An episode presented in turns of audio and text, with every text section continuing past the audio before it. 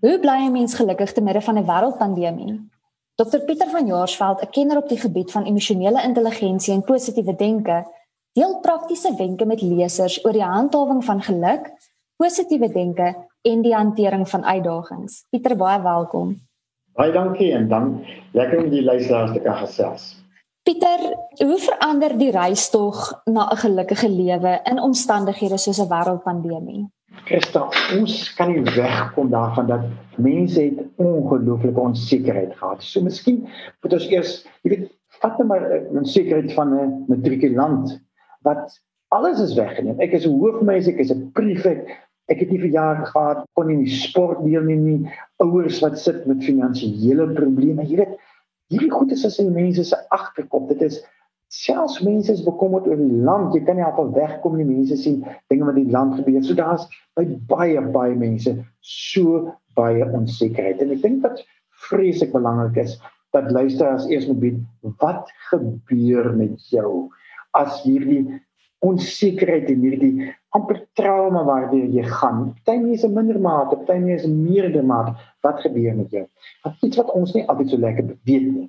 Is dat mense gedagtes en jou liggaam is onlosmaaklik aan mekaar verbonde. Met ander woorde, elke gedagte wat deur jou kop gaan het 'n invloed op jou liggaam. Kom ek wil vir die luisteraars sê, dink aan 'n geleentheid waar iets negatiefs met jou gebeur het en jy tot daaroor die hele dag.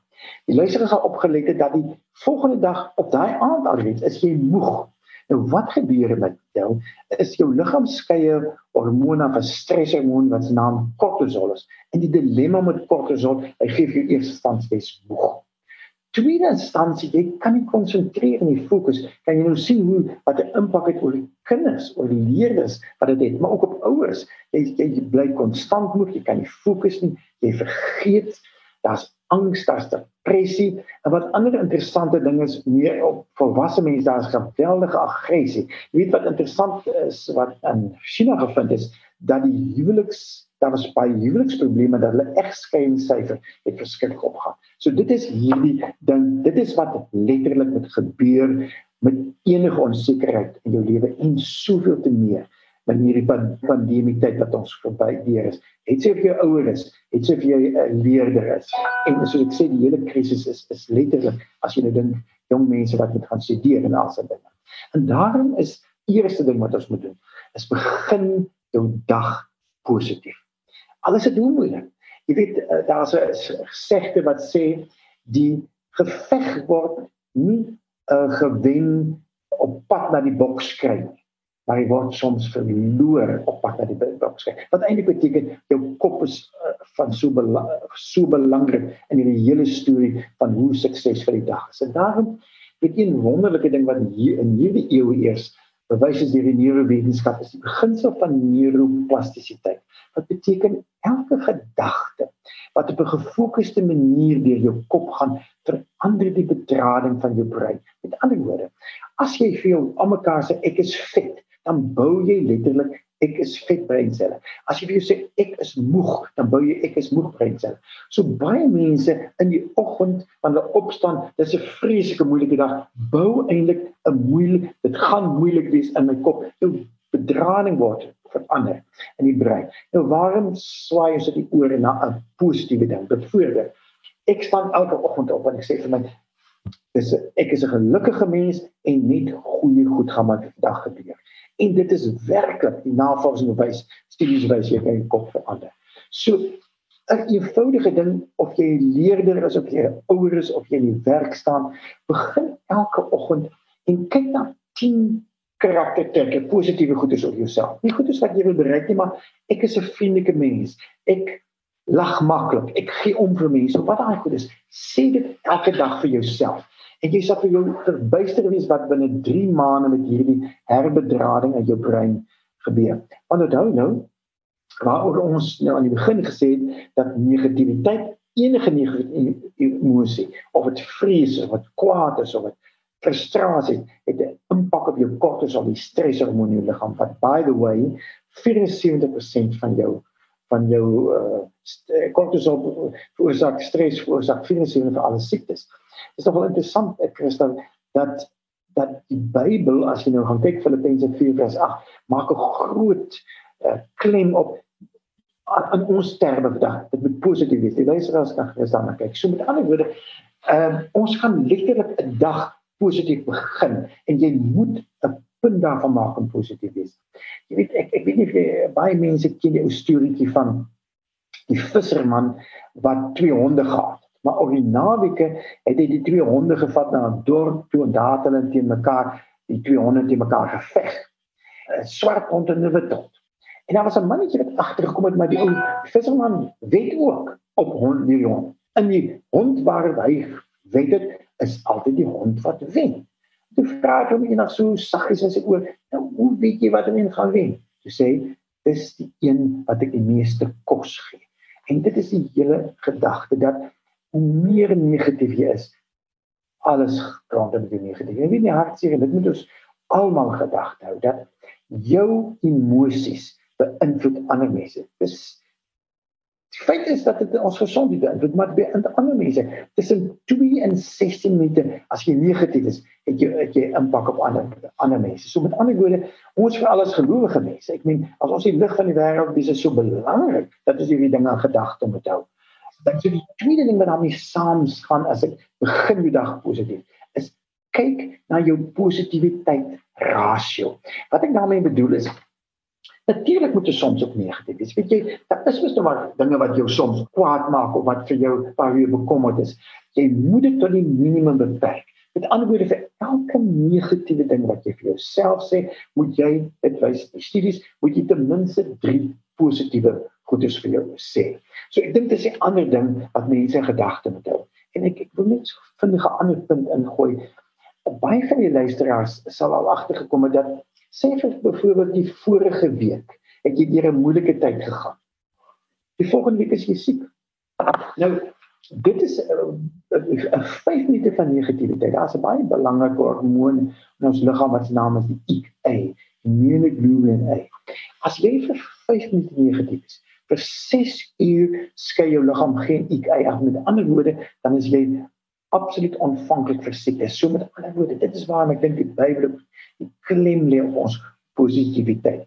So die rasio 3 tot 1 of jy skoolier is of jy ouer is in terloops vir ouers teenoor jou eggenote of eggenote daai verhouding met 5 tot 1 wees hè. So die manne moet dit gedagte vrouens ook natuurlik teenoor jou kind presies dieselfde so ek sê die twee dinge is die positiewe rasio jy het bestaan in die geluk geniet Jy weet as jy eintlik kyk hoe groot klem die Bybel plaas op geluk. As jy gaan kyk Johannes 10 vers 10, sê die Bybel eintlik ons moet gelukkig wees en die nommer 1 behoefte in die wêreld is om gelukkig te wees. Nie geld nie, maar geluk. En tog dink ons altyd so van geluk lê daar iewers en ons en ek kan nie gelukkig wees want ek is deur hierdie verskriklike pandemie, ek het my werk verloor. Ja, dit is moeilik absoluut begrip daarvoor.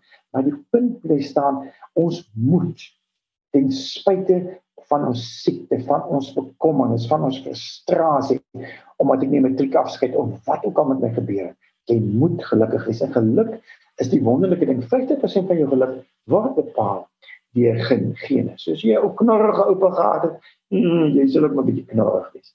Maar 10% word bepaal deur omstandighede. As jy matriek dryf, nee nee, dis nie meer moontlik om matriek te dryf nie. Uh, as jy jou werk verloor, 10% word daar praat. Maar 40% van jou geluk onder watter omstandighede lê in jou eie hande. En jy weet, uh, daar's wonderlike navorsing gedoen, 'n studie gedoen deur 'n man met die naam van Seligman, wat soort van die vader van die positiewe sielkunde is. En hy het gevat pasiënte wat baie depressief was. Sommige was so depressief dat hulle bedlend was. En hy het vir hulle net hierdie eenvoudige ding gevra. Sê dink daagliks aan drie goedes waarvoor jy dankbaar is. Groot goedes soos ek het 'n uh, middelteen die COVID-19 gekry. Nie goedes soos ek is my seun het my gebel. Uh ek het die boek gelees wat my terapeut voorgestel of wat ook al. Net eenvoudige dingetjies. En 94% van hierdie mense het verligting van hulle depressie gekry, van amper bedlede depressie tot middelmatige en selfs onder onder dit. So een van die eenvoudigste dinge wat 'n skoolier, wat 'n ouer, wat wie ook al, al gaan jy deur watter ding is, dink elke dag aan drie dinge waarvoor jy dankbaar is. By the way, dis weer 'n interessante ding dat die Bybel dink ek as ek nou reg onthou, ek iewers 'n note nog al afgemaak, maar ek nou nie onthou wat dit is nie. Ek dink die Bybel self noem ek wil dit nou vir jou sê, 'n klomp keer dat 'n mens moet dankbaar wees. 33 keer. En ek dink dit is 'n nou interessante ding dat die navorsers nou eers in hierdie eeu besluit het dat dankbaarheid een van die groot dinge is. Jy weet wat interessant is wat gebeur? Uh, Christa, as 'n mens dankbaar is, dan herbedraad jy die brein. En dan wat interessant is, met die brein soek dan op die ou end hierdie positiewe ding. So dis 'n maklike ding wat elke gesin kan te doen elke dag, die oggend, aand, wanneer dan. Kom ons dink aan drie dinge waarvoor mens dankbaar is. Ek ek het nou eendag met iemand gesels waar hulle interessante dinge doen. Hulle hulle skryf byvoorbeeld hulle 'n kartondoos vir elkeen gesin se kamer. En elke aand plaas hulle 'n briefie in daar sê, "Maar ek is bly dat jy dit vir my vandag gedoen het of dit het waardeer vir jou." Jy sien, die hele storie van jou jou gedagtes en jou liggaam is onlosmaaklik verbonde aan mekaar. Is dat wanneer jy hierdie wonderlike dinge vir mekaar doen, dan skei jou liggaam al hierdie positiewe emosies af. So dit is 'n eenvoudige ding. As ek net kom ons vat net eers net gou saam ons nou soek hè. Stel vir jou 10 positiewe goeie goed. En doen dit soos oefening of soos eet, soos tandeborsel. Niks gaan verander as jy dit daagliks doen. Die tweede ding is kyk na jou positiwiteitsrasio. Dit moet ten minste vir elke negatiewe ding 3 positiewe dinge wees. Die derde ding sover wees dankbaar verander net die goedes waarvoor jy dankbaar is na 'n tydjie want as jy elke dag dieselfde goed gee, dan wys die studies ook dis nie so effektief nie. Pieter, jy het nou gou gesels oor geluk en om jouself gelukkig te dink, maar ek wonder nou byvoorbeeld tydens die pandemie het 'n man en 'n vrou dalk werk verloor, hulle het kinders, daar's nog steeds uitgawes en rekeninge wat moet betaal word. Beteken dit dan daai selfde beginsels bly of moet 'n mens dalk op 'n ander manier dink wanneer 'n mens regtig in so moeilike tyd vasgevang word? Ek dink die beginsels bly presies dieselfde en wat jy gaan doen is presies wat ek gesê het, maar om nou die spesifieke trauma waardeur jy gaan, want dit is verskillend wat verskillende mense aan 'n baie maklike manier om te doen. Gaan skryf neer al die uitdagings wat jy het. En dan verdeel jy dit in twee lysies. Waarin kan ek niks doen nie? Waar kan ek wel iets doen? Die goed is wat jy niks kan nie, vergeet dit. Vat dan van die lysie dit wat onder jou beheer is waar jy iets kan doen, vat die maklikste een hanteer dit eerste en so gaan jy deur jou lysie. Want dit help jy bekommer jy dood en goed is waar jy niks kan doen en dit is wat ons nog altyd verstaan. So die eerste drie dinge wat ek gesê het, bly daar om jou elke dag op pad na die kruit voor te berei met so te stel. Maar hier in jou spesifieke situasie hanteer hierdie goedes wat jou uitdagings op hierdie moment is op hierdie manier wat dit sopas genoem het. En dan het jy vroeër gesê dat dit wat jy lees en dit wat jy inneem het 'n effek op of het 'n invloed op jou menswees. En ek wil gou by jou hoor watter invloed het sosiale media op jou geluk? Ek weet onlangs is daar daar's nou 'n nuwe vlaag van plaasmoorde byvoorbeeld wanneer mense op Facebook gaan, sien mense redelik baie plasings oor dit. En natuurlik as 'n mens dit die hele tyd lees, gaan dit 'n invloed op jou hê. Hoe hanteer mens daardie invloed? Beteken dit 'n mens moet glad nie meer sosiale media oopmaak nie of moet 'n mens daaroor ook anders dink? En ek wil ook byvoeg, dit is natuurlik maklik om daaroor te praat as 'n mens nie self daardeur geraak word nie, maar ek weet die oomblik wanneer 'n mens in daai posisie plaas word, 'n pa dalk vermoor is of iemand wat jy ken aangeval is, dan het dit 'n baie negatiewe invloed op 'n mens. Maar hoe kan 'n mens daai invloed hanteer? Skitterende vraag. Kan ek gou dit twee maniere antwoord? Die eerste ding is een van die dilemma's, kom ons vat Facebook. As jy se mens kronies op Facebook is, in eerste instansie dis dit is nie goed vir jou nie. Dit daar's navorsing wys, maar die ding is jy lees dan van van hierdie vriendin van jou en sy hierdie wonderlike Mercedes ry en jy het 'n klein tas. Dit beïnvloed mense ongelukkig. So ja, Mense moet jou 'n bietjie speen as ek dit so mag sê van Facebook. Maar die ander ding is 'n mens moet regtig ook 'n gedagte hou dat jy kan nie wegkom van al die negatiewe goedes nie, maar jy moet dit regtig verminder. Want hoe meer aan jy negatiewe goedes blootgestel is, die saak in in wat jy negatief. En daarom is die eerste 3 dinge wat ek genoem het so ongelooflik belangrik. Dis amper jou wapenrusting wat jy aantrek om hierdie negativiteit te verminder. So twee dinge.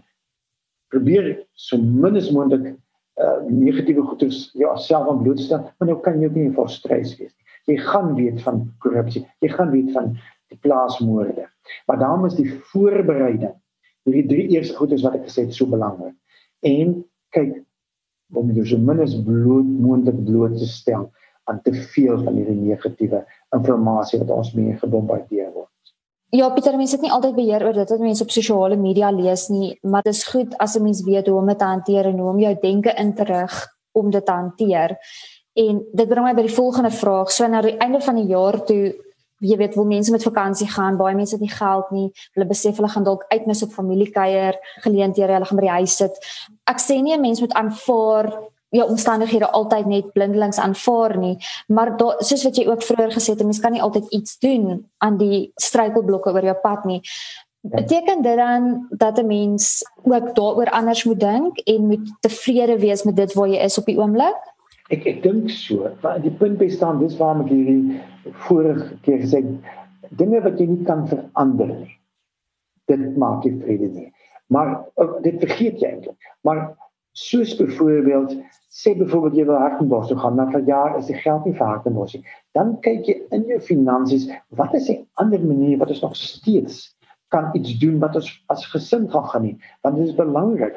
Dit uh, die interessante ding is ons raak dikwels as ons negatief raak, dan wil ons net sit en alles is net veel. En dan dan stimuleer ons die linkerbrein wat eintlik jou eintlik jou of alles die regte brein wat eintlik jou negatiewe brein is. Maar deur aksie te vat, al is dit nou harde mos het weggeval, maar nou kom ons hou 'n klein gesinsvergaan wat anders kan ons bekostig in dit, dan stimuleer jy die regte linkerkant van jou brein wat jou positiewe brein is. So ja, uit die aard van die saak is dit teleurstellend om nie harde mos toe gaan nie. Maar wat kan ons anders doen? Want dit gee vir ons Dit mens kan nooit sonder hoop lewe nie. En sonder wow, daar is nog altyd geleenthede. En dit is so belangrik dat mense dit moet weet. Weet hulle moenie nou gaan stil sit en sê ag, alles is daar verkeerd. Want dan raak jy net negatief en dit beïnvloed jouself en ander mense. Pieter, so wat jy vandag vir lesers sê is dat jy beheer het oor hoe jy uitdagings hanteer en dat 'n mens beheer het oor jou denke. En hoe meer jy gaan positief dink, hoe makliker gaan dit wees en hoe makliker gaan jy dan die uitdagings kan hanteer. 100%. Want belangrike punt, dit beïnvloed eerstens jou gesondheid as jy negatief is, maar dit beïnvloed ook ander mense. So daarom is dit so belangrik as jy kyk na wat die Bybel ook sê dat ons moet positief bly.